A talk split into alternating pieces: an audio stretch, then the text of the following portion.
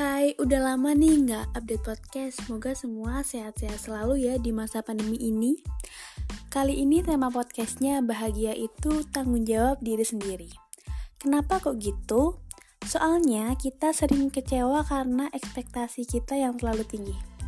Contohnya nih, waktu kita sekolah kita pingin banget cepat lulus, kemudian kuliah, kemudian kerja, nanti bisa kaya raya kemudian dibuat foya-foya Kemarin aku kepikiran, kalau semua orang berakhir dengan kaya raya dan foya-foya, gak bakalan butuh orang lain dong.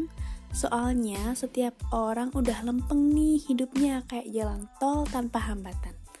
Nah, maka dari itu buat kalian yang lagi kurang bahagia karena dikecewakan oleh ekspektasi, coba dievaluasi dulu.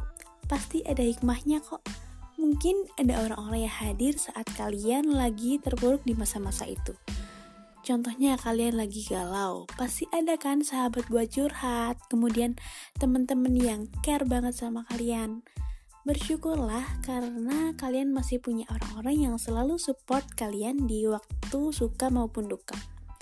Yang selalu sabar dan menemani di semua kondisi. Terima kasih atas waktunya. Jangan lupa bahagia dan see you next episode. Thank you.